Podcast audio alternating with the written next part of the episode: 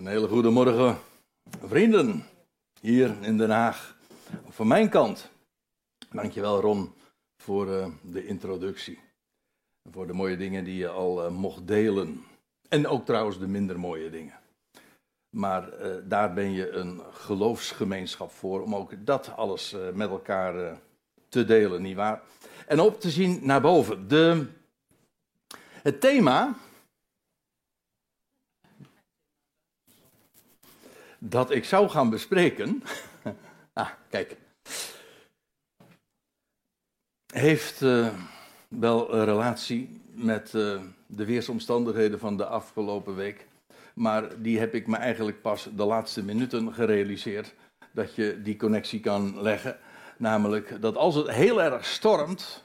Ja, dan, velt, dan wordt er heel veel neergeveld. En uh, aan, aan bomen die dat allemaal niet kunnen doorstaan. En ja, waar het dan op aankomt in de storm is uh, te staan en de stormen te doorstaan en te weerstaan, oftewel staande te blijven. Nou, dat is uh, inderdaad het onderwerp, staan en doorstaan. Maar ik doe dat. Goh, ik, ik zie het een beetje slecht vanaf deze plaats. Het lijkt wel of, of, alsof dat de vorige keer beter was. Is het lijkt wel alsof de, Nee, nee, jij denkt dat het nu mijn ogen zijn. Dat kan het niet wezen, want ik heb net een nieuwe bril, uh, Tineke. Uh, maar laat ik, nou, ik kan, ik kan het uh, zien. Als ik een klein beetje om een hoekje kijk. er even wat dingen vooraf. Want ik wil u meenemen naar 1 Korinthe 10 en eh, een aantal versen uit dat hoofdstuk eh, met jullie bespreken. En laat ik dan even ter introductie daar over die brief zeggen. Deze brief is geschreven door de apostel Paulus. Ja. En vanuit Efeze, dat moet zo ergens rond het jaar 54 van onze jaartelling zijn geweest.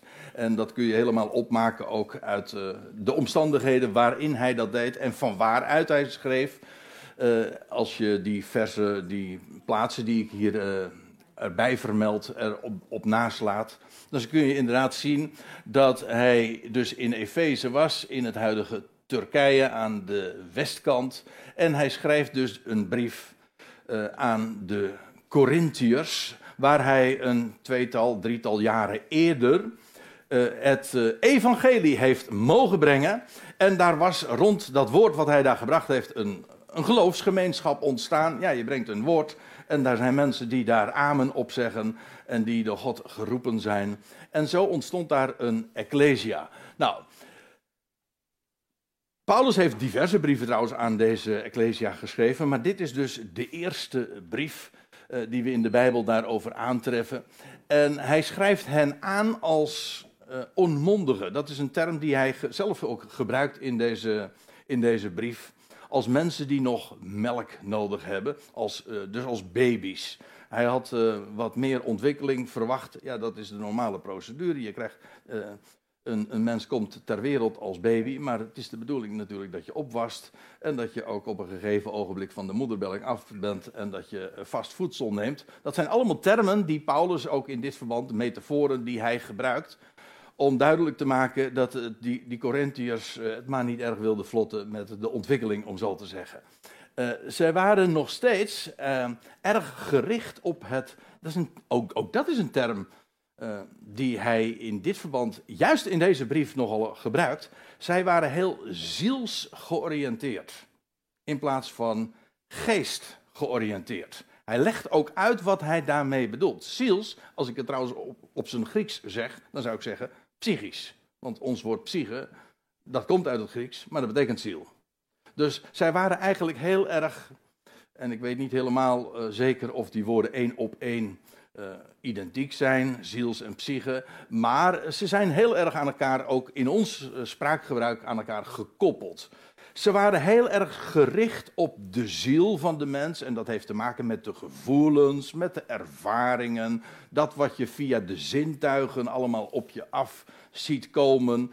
En uh, ze waren bijvoorbeeld ook heel erg. We zongen er trouwens uh, toevallig een uh, lied ook over. Ze waren georiënteerd op de wijsheid ook van deze wereld. per slotverrekening, ze leefden in Korinthe. En Korinthe was een van de steden in die dagen, naast, ja, letterlijk naast Athene. Uh, en die tot op de dag van vandaag, inmiddels een aantal millennia verder, nog steeds bekend en beroemd, of zo u wilt berucht, nee, vooral beroemd zijn, vanwege hun filosofie en hun wijsheden. En uh, de Corinthiërs, die gaven daar ook nogal hoog over op.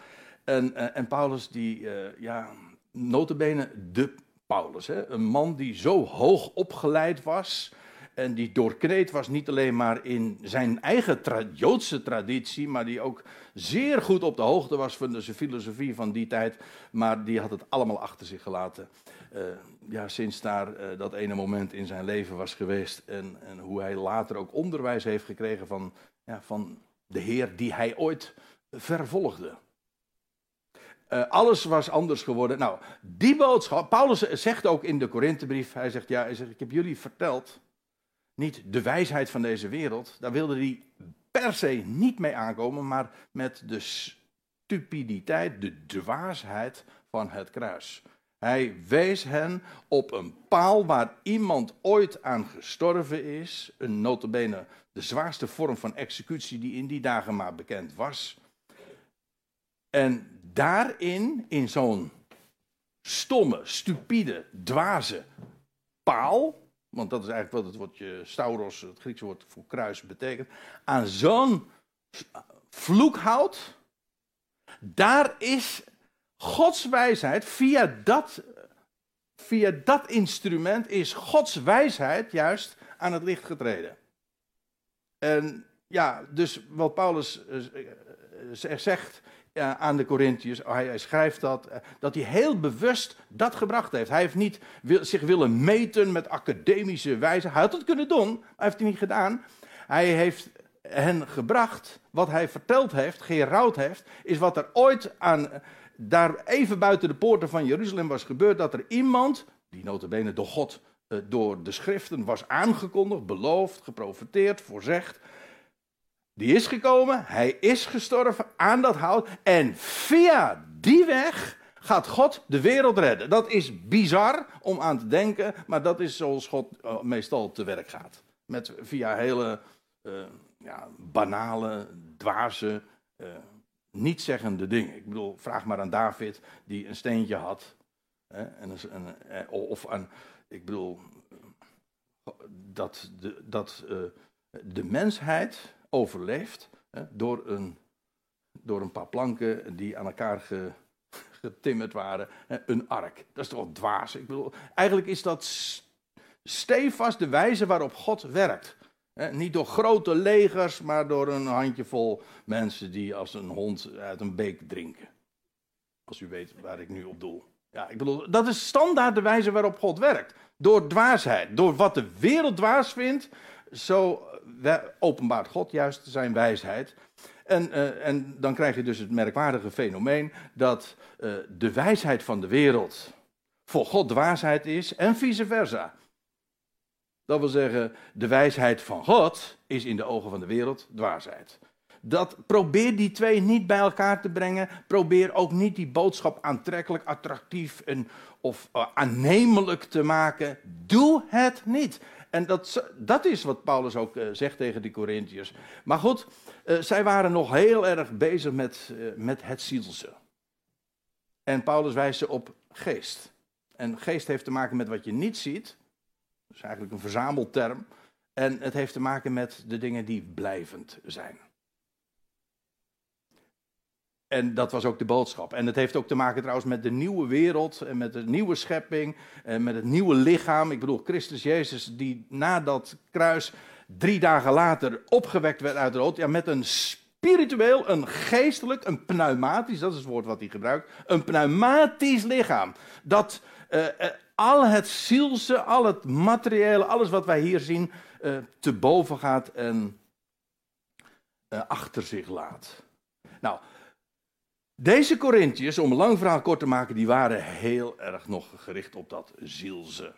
En Paulus wijst ze op het geestelijke, het, het, wat werkelijk ertoe doet en wat blijvend is. En vandaar trouwens ook, zij waren nog, uh, er waren ook allerlei problemen daarin, Korinthe.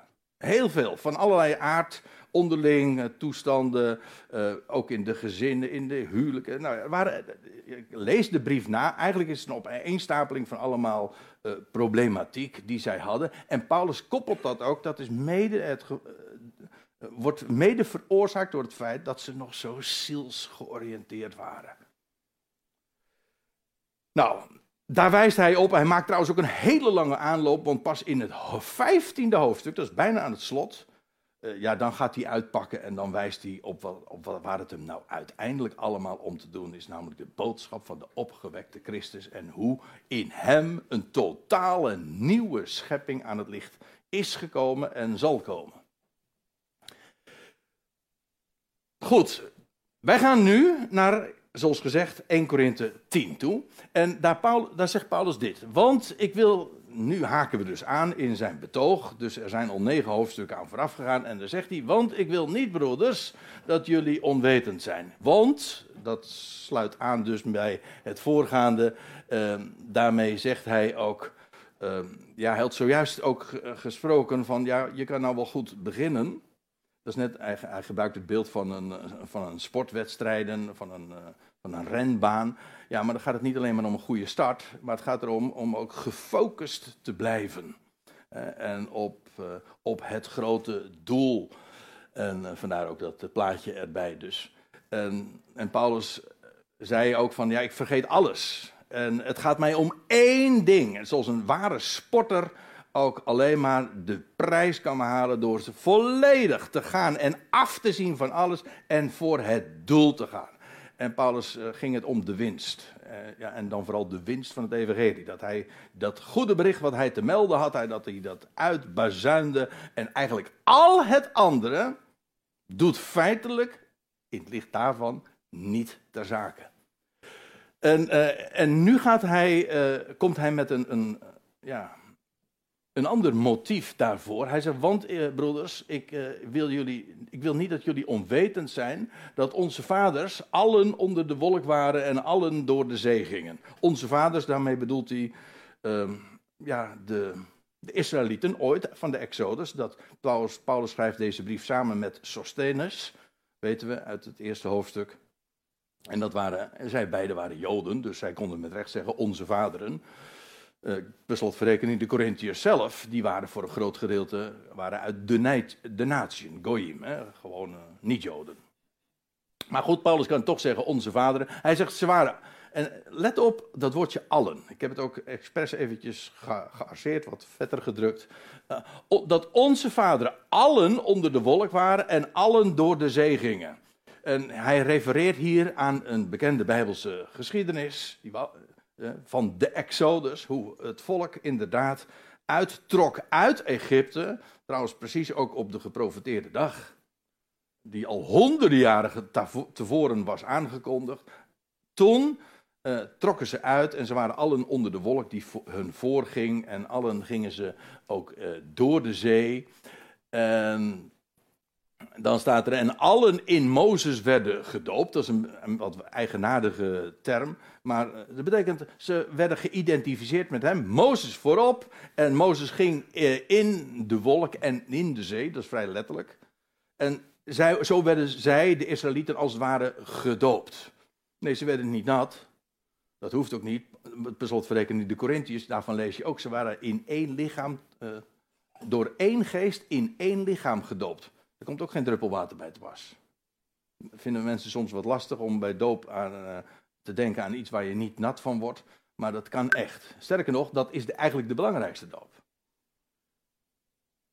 Ja, dat zei ooit Johannes. Zelfs Johannes de Doper, die bekend staat om de, de, natte doop, om zo te zeggen. Die zei al van, ja, ik doop jullie in water. Maar hij die na mij komt, die zal jullie dopen in geest. Ja, met andere woorden, dat is het echte. Goed, uh, eventjes uh, zo, terzijde. Maar, en allen in Mozes werden gedoopt, in de wolk en in de zee. En, en, uh, en allen dezelfde geestelijke voeding aten.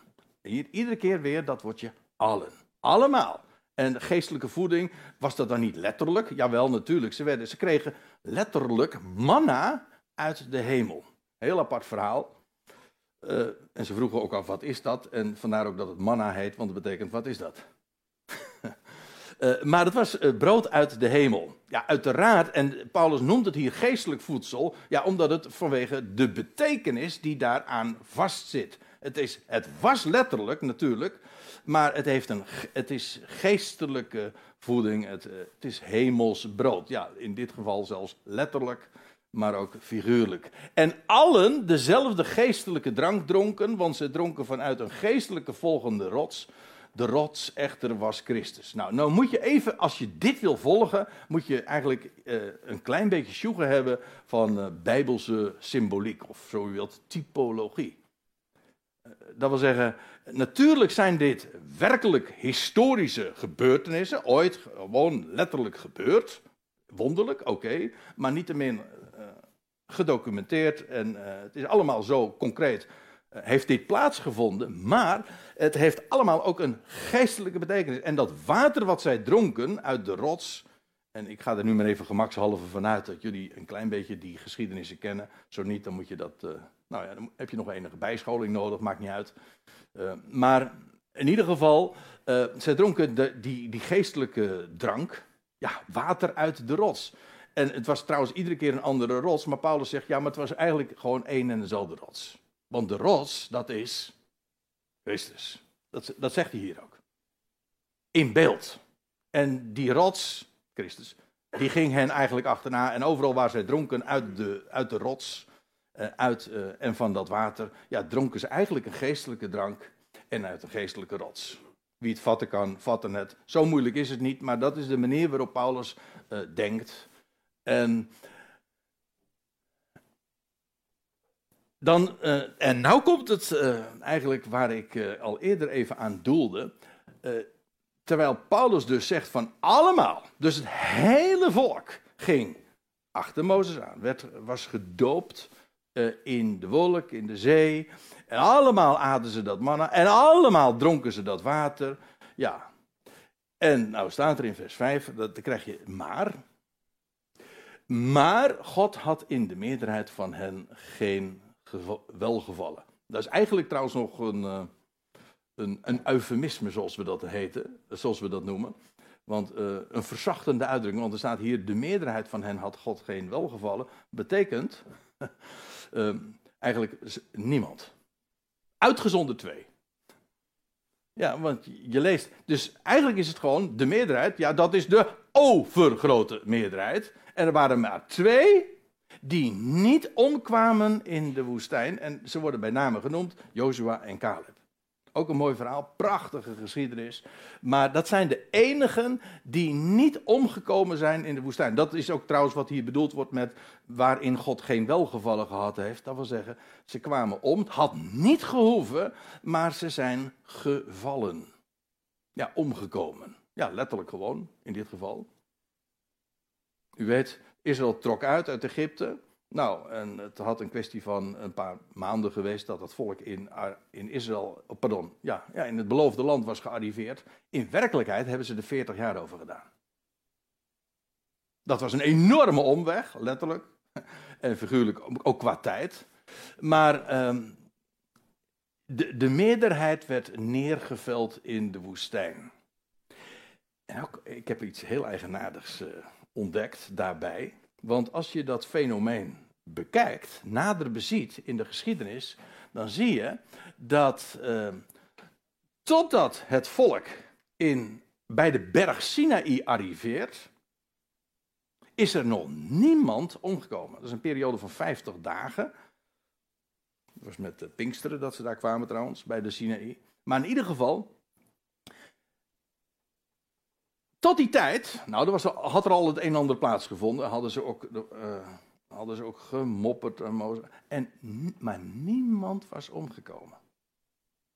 Dat begint pas bij de Sinaï. En dat is heel opmerkelijk.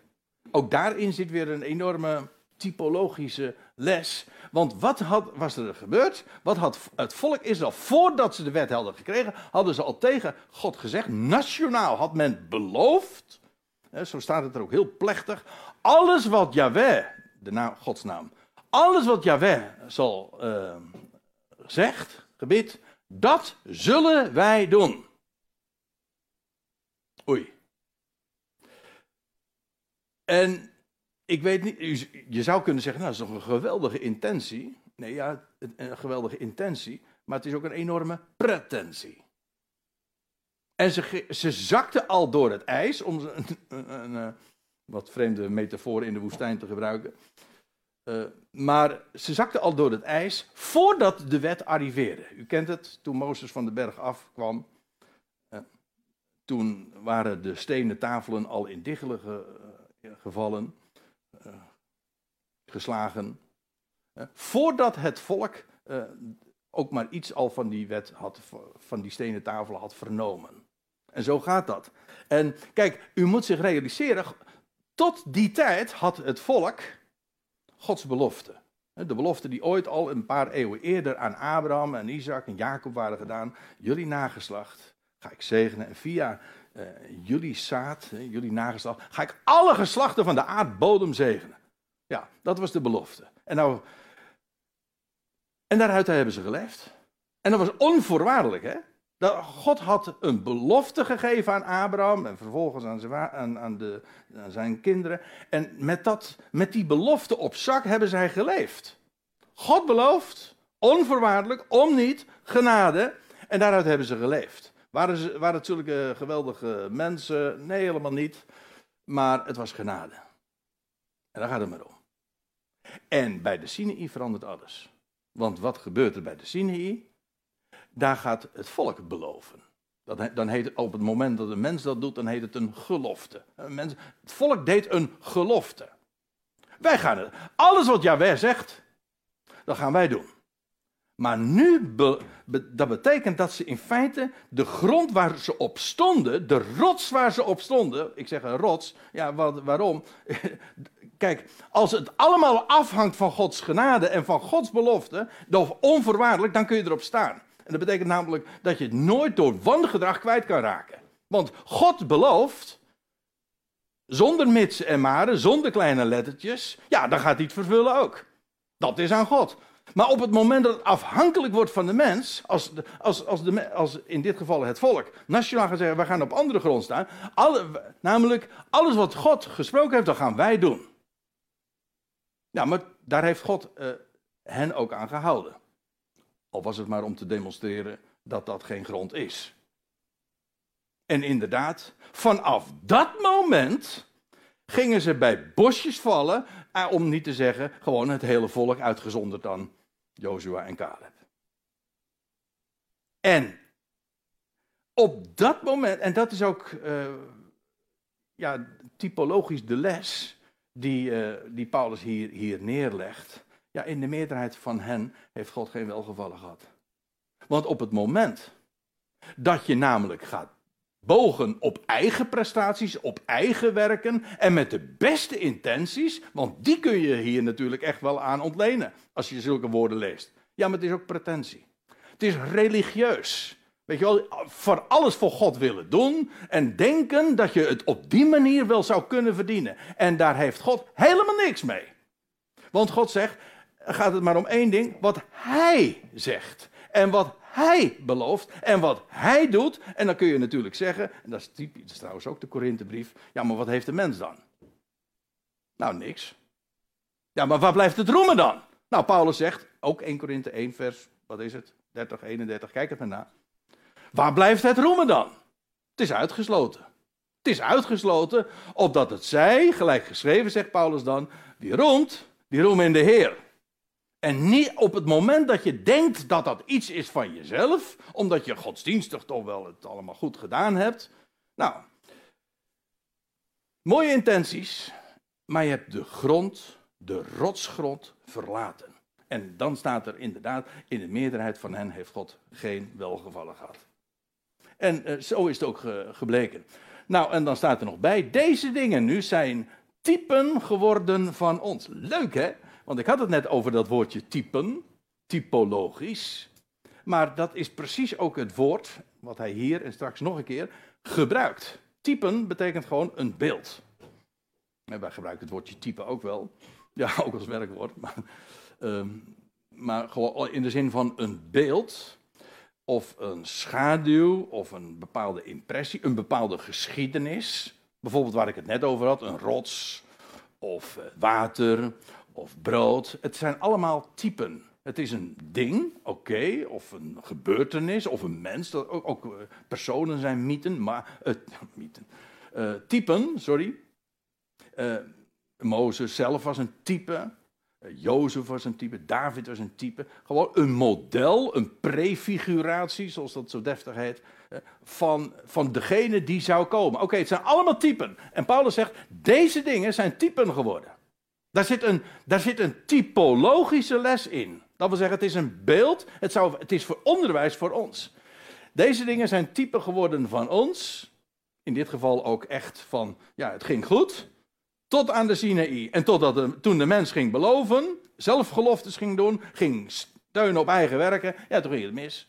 En, ja, dat is waar het, uh, waar het ook van spreekt, van wet versus uh, uh, ja, genade en Gods belofte. Deze dingen zijn typen geworden van ons, opdat wij geen begeerders van kwade dingen zouden zijn zoals zij begeerden.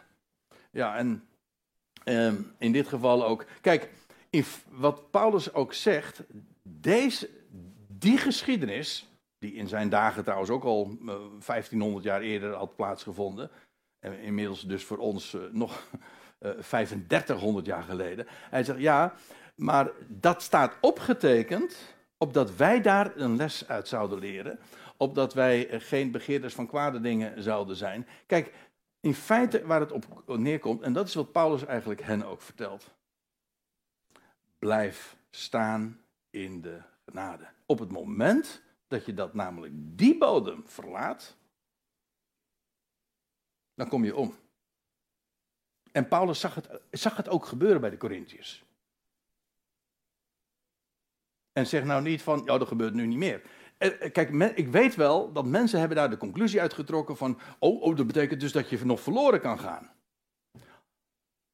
Op het moment trouwens dat je dat zegt, in die zin van dat je je redding kan verspelen, ja, dan heb je volgens mij het evangelie nog niet begrepen, want het evangelie is namelijk om niet. Hij is redder. Van alle mensen, speciaal van de gelovigen. Dus ja, dit, dat staat. Dat is juist het evangelie. Maar het punt is wat, wel, wat je wel verloren kan gaan, dat is je getuigenis. Dat op het moment dat jij gaat staan op eigen werken en godsdienstig bent geworden, je doet nog wel ergens aan, weet je wel. Ja, maar dan heb je de bodem van genade verlaten en dan is je getuigenis gewoon gaat, om nou nog een andere beeldspraak te gebruiken, naar de Filistijnen dan ben je gewoon omgekomen. Dan ben jij als getuige en als lichtverspreider, namelijk het licht van zijn genade, ben je verloren. Er is er niks meer van over. En, nou, en dat is wat Paulus zegt van, die van, eh, van ooit voor de Israëlieten. Ja, ze hebben de bodem van genade verlaten en ze zijn allemaal, neer, ze zijn allemaal geveld in de woestijn. Hij zegt, en dat is een les voor ons. Want dat betekent namelijk dat als je niet staat en blijft staan op de genade, dan kom je gewoon hier op aarde je redding verspeel je niet, uiteraard niet. Want dat is juist wat genade is. Maar op, in, als getuigenis ben je dan inderdaad gevallen en verloren. Dat komt om. Dus het is inderdaad heel ernstig wat hij zegt. En hij zegt dat ze, ze gingen toen bij bosjes en nu nog steeds.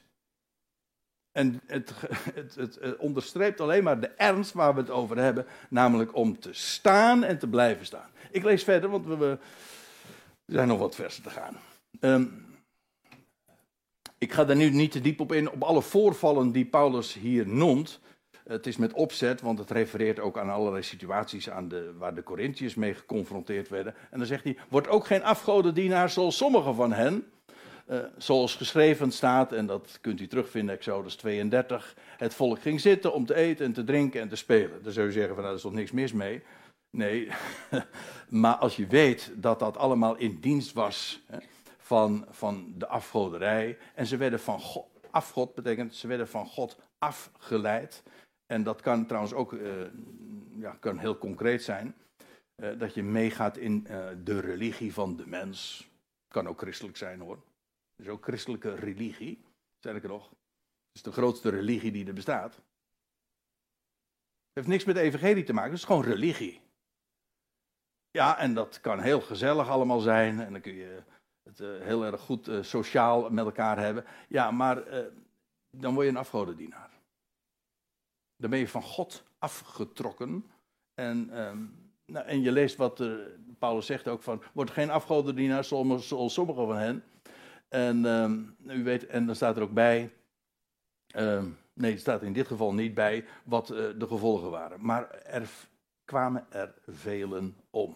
En dan staat er ook, ook zouden we geen hoererij plegen, zoals sommigen van hen hoererij pleegden. Hoererij betekent gewoon dat, uh, dat je niet trouw, seksueel trouw bent.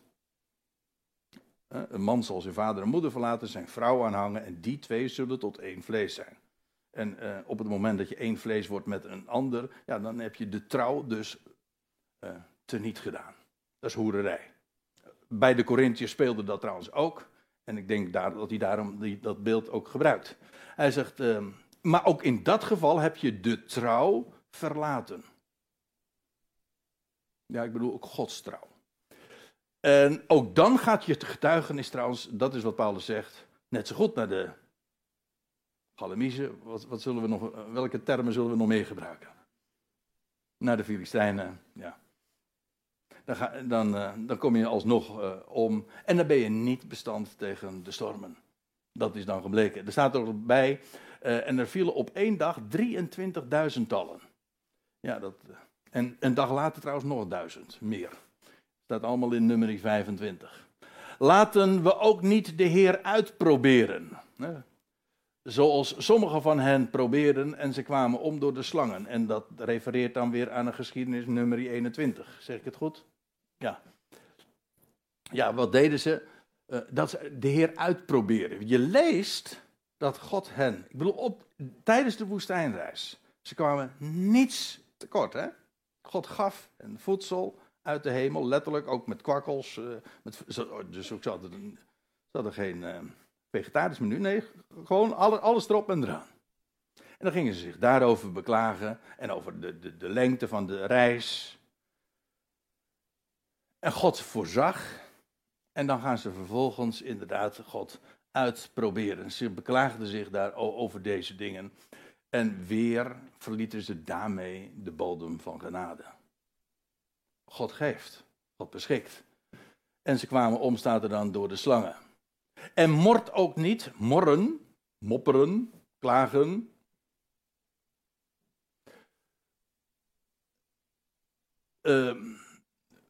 Mur, ja, Statenvertaling staat murmureren.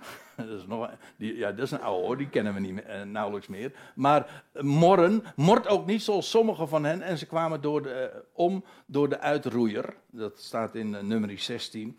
En het is allemaal dezelfde gedachte. In feite op het moment dat je gaat mopperen. Ja, wat gebeurt er dan? Ja, dan denk je dat God het niet goed doet. Of misschien dat je het niet zo uitspreekt, maar dat is wel de suggestie. Dat is in feite wat je doet op het moment dat je, dat je gaat mopperen of klagen over, over dat wat God geeft en beschikt. Ik weet niet of u er zo wel eens over nagedacht hebt. Maar kijk, als je gelooft dat God geeft wat nodig is en dat zijn weg altijd de beste is, Dat betekent dat dus dat alles wat er gebeurt zijn weg is. En u zegt van, begrijp je dan geen begrip voor mensen die mopperen? Daar gaat het niet om. Het gaat erom dat als je weet dat, je, dat, dat we leven uit zijn genade, dan geeft hij ook genoeg. En mopperen staat daar tegenover. Ja, en oké, in de wereld wordt gezegd van ja, dat moet je doen, dat lucht, dat lucht op en zo. Nou ja, wat de wereld eh, daarover zegt, dat, uh, daar hebben we het even niet over. En, maar, ja, weet u wat tegen me over mopperen staat? Dat is een geest van dankbaarheid. En danken voor het goede en ook voor het kwade. U zegt, hoe kan dat? Ja, maar dat kwade, dat zijn die minnen, hè? En er zijn zoveel dingen, ze zijn vanmorgen ook genoemd. Er kunnen zoveel minnen zijn waardoor je het zwaar hebt. Ik, ja, ik gebruik vaak dat beeld van de minnen, eh, de negatieve dingen, waar je, waar je moeite mee hebt. Waar je, of dat nou fysiek, of het is je werk, of het zijn de dingen eh, sociaal, in je, in je, in je persoonlijk leven. Nou, noem maar op. Ik hoef toch niet uit te leggen wat minder in je leven zijn. Hè? Ja, maar, en hoe kun je God daarvoor danken? Nou, je dankt God niet voor een min natuurlijk. Maar je kan dan, waar je wel altijd kun, voor kunt danken, en dat is genade, dat is dat Hij de minnen tot plussen maakt. Sterker nog, dat een min een plus is. Alleen nog niet af. Voor ons. God ziet die plus al wel, hij is bezig, het is werk in uitvoering, maar wij zien die plus nog niet. Kijk, als, dan kijk je heel anders tegen de dingen aan. Maar goed, Israël, uh, van Israël lees je ze morden en uh, nou, wat, met alles wat, uh, de, alle consequenties van dien. En ze werden allemaal eigenlijk achter elkaar vielen ze om, ja, neergeveld. Deze dingen nu overkwamen hen als typen, hey, als, als type, ja, typologisch.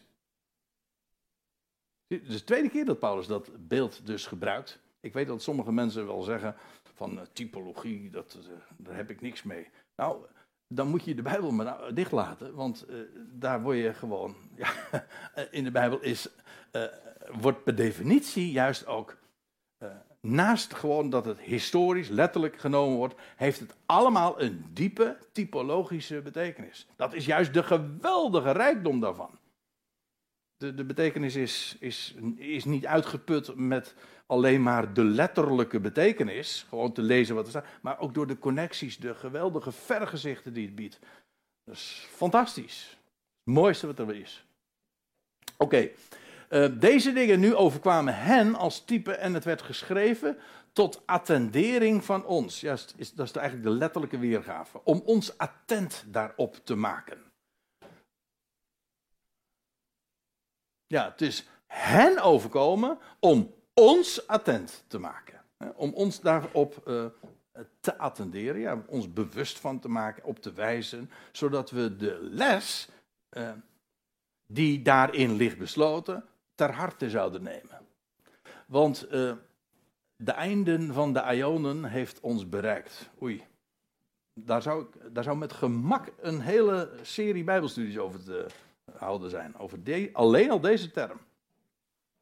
Uh, maar in ieder geval, kijk, Ionen, in de gewone vertalingen staat eeuwen, maar uh, dat, dat, is, dat zijn geen tijdperken van 100 jaar, dat zijn wereldtijdperken. Wel, in Christus hebben alle, bereiken alle Ionen hun einde. Ja, het hele idee dat een Ion een eeuwigheid is, is heel gek hè, maar ja, ik kan het niet nalaten. Sommigen noemen dat een stokpaardje van André Piet. Het zij dan maar zo. Maar een aion is geen eeuwigheid. Dus buitengewoon belangrijk. Zo wordt het in onze vertalingen heel vaak, meestal zelfs, vertaald. Een, een aion, uh, en dan wordt er staat eeuwigheid. Maar ik zal u dit vertellen: een eeuwigheid, het kenmerk van een eeuwigheid is, tenminste in onze spraakgebruik, is dat het geen einde heeft. Toch? Een eindeloze eeuwigheid. Het duurde een eeuwigheid. Het was eindeloos, weet zo. In de Bijbel hebben ionen en een begin en een einde. Dus het hele idee van eeuwigheid, parkeer het maar, zet het, nee, niet in de ijskast. Uh, dat, doen, dat doen ze in Den Haag wel met allerlei dingen, maar uh, nee, gooi het maar in de kliko. Nou, de einde van de ionen heeft ons bereikt, ja, in Christus. Daarom, zegt Paulus, wie meent te staan, uh, laat wie meent te staan uitkijken niet te vallen. Dus ja, zelfs daarop, uh, wie meent te staan. Want de vraag is, waarop sta je? Of eventueel, waarin sta je? Sta je op de genade of sta je op eigen werken? Ja, en hoe, wanneer blijkt dat? Nou, dat komt uit de verf, dat, dat zal blijken, aan het licht komen als de stormen komen. Van welke aard dan ook. Paulus heeft er zojuist een paar genoemd. Als de, de verleidingen, de beproevingen op je afkomen. En waarop kun je dan staan? Dat is de vraag. En op het moment dat je denkt te staan, maar je, je, je bent gegrond eigenlijk in, uh, in je eigen ideeën of in de wijsheid van de wereld. Of uh, in je eigen, je hebt wel een goed geloof in, in je eigen prestaties. Of eventueel van van je medestrijders, medegelovigen of zoiets. Maar het is allemaal vlees. Om uh, ziels. Heel begrijpelijk hoe, hoe zulke misverstanden kunnen bestaan. Maar da, dan meen je te staan, ja. Maar zie, laat je, zorg dat je niet valt. En hoe kan dat? Dat kan alleen maar als je stevig staat. Solide bodem hebt. En Paulus zegt dan in vers 13: Wij, het is een wat letterlijke vertaling. En dat bent u van me gewend. U ziet dat in die interlineair die eronder staat. Nou ja, als je helemaal achterin zit, dan zie je het niet.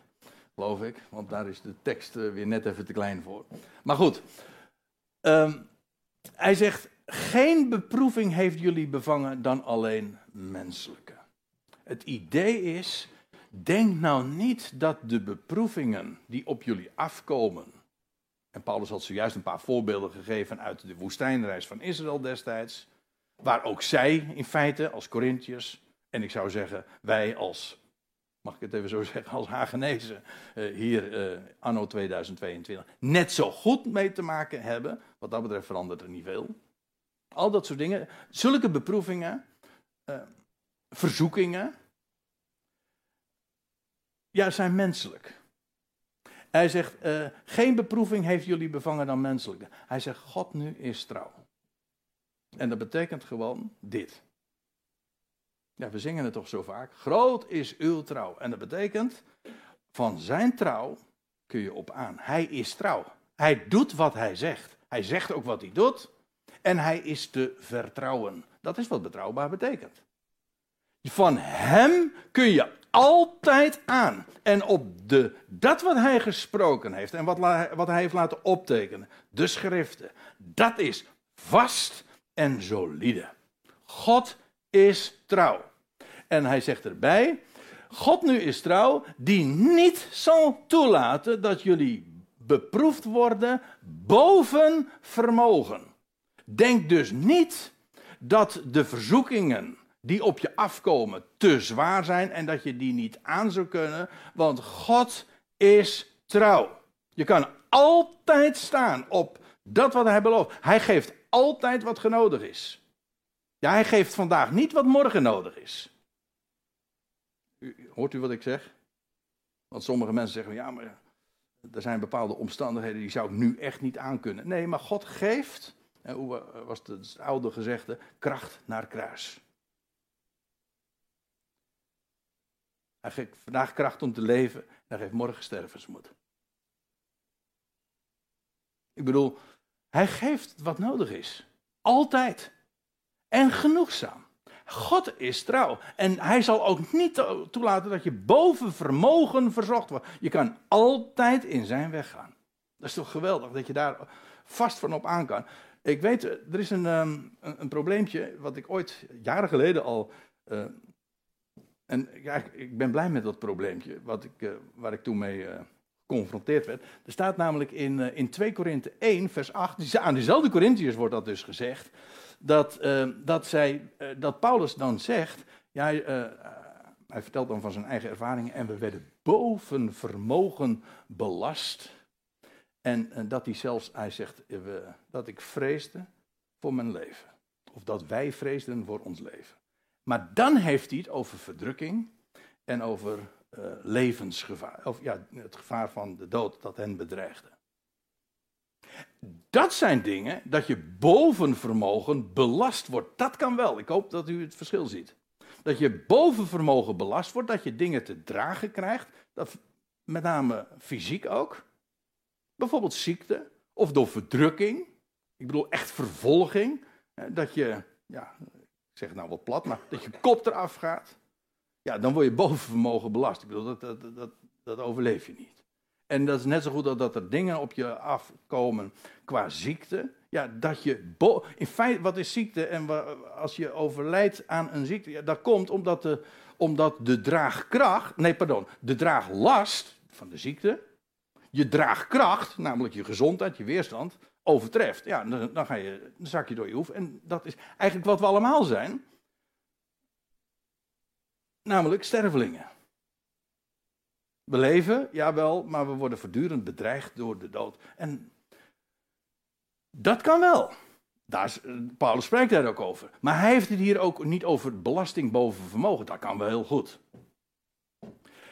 Maar ook trouwens, ook dan is God degene die geeft wat nodig is. Ook, kijk het maar na in 2 Korinthe 1 hoe Paulus daarvan getuigt. Ook in zulke omstandigheden. Nee, hij zegt dat we niet boven vermogen verzocht worden of beproefd. Beproeven en verzoeken is eigenlijk, uh, dat zijn twee kanten van één medaille. Het is een verzoeking voor ons, ja, maar van Gods wegen is het een beproeving, namelijk om de test te doorstaan.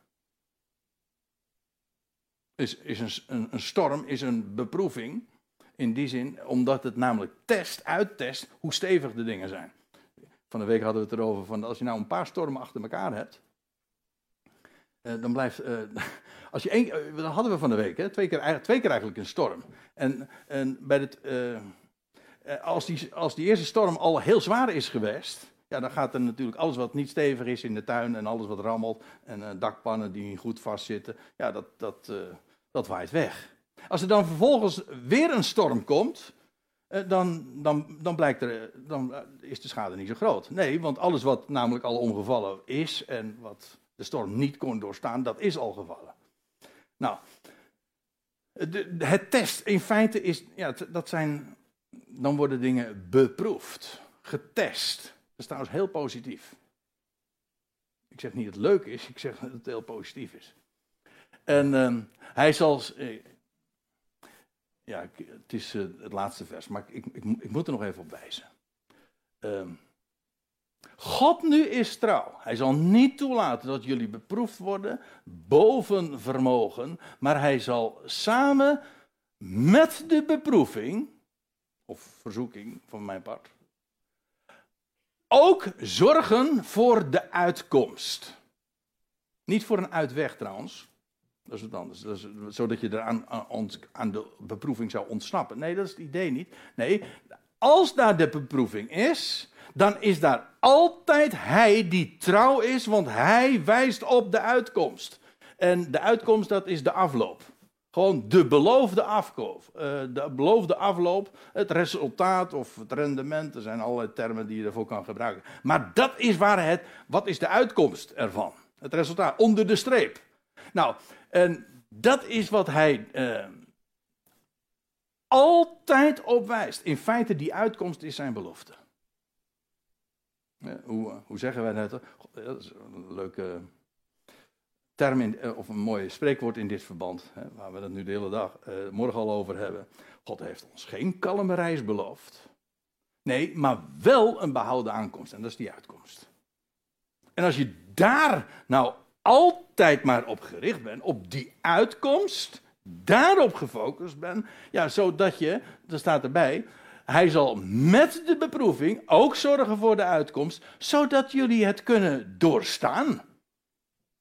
Heb je het weer, zodat jullie het kunnen doorstaan. En dat je, betekent ook dat je het kunt weerstaan. Hè? Dat je weerstand hebt. En hoe, hoe heb je geestelijk weerstand? Hoe kun je al die stormen doorstaan. En hoe kun je die beproevingen doorstaan, dat wat op je afkomt? Dat kan alleen als je staat op zijn trouw.